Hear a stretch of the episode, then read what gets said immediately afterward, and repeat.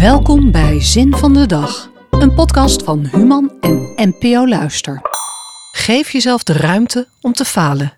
René Redzepi. In een samenleving waarin we meestal onze vrolijke en meest geslaagde kant laten zien, kan het soms zwaar zijn als de dingen niet gaan zoals we willen.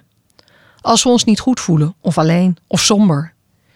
De Deense chefkok René Redzepi zag hoe zijn personeel dreigde te bezwijken onder de druk om op topniveau te presteren in zijn sterrenrestaurant te Kopenhagen. Hij introduceerde de faaldag. Eén avond per week mocht zijn personeel grandioos mislukken, een potje faal koken en gekke dingen uitproberen. Bloemkool met ijs, borden laten vallen. Het leverde plezier op en minder stress. Totdat ze ontdekten dat ze de meest fantastische dingen bedachten als ze mochten falen.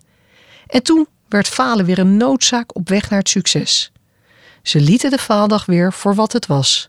Geef jezelf de ruimte om te falen.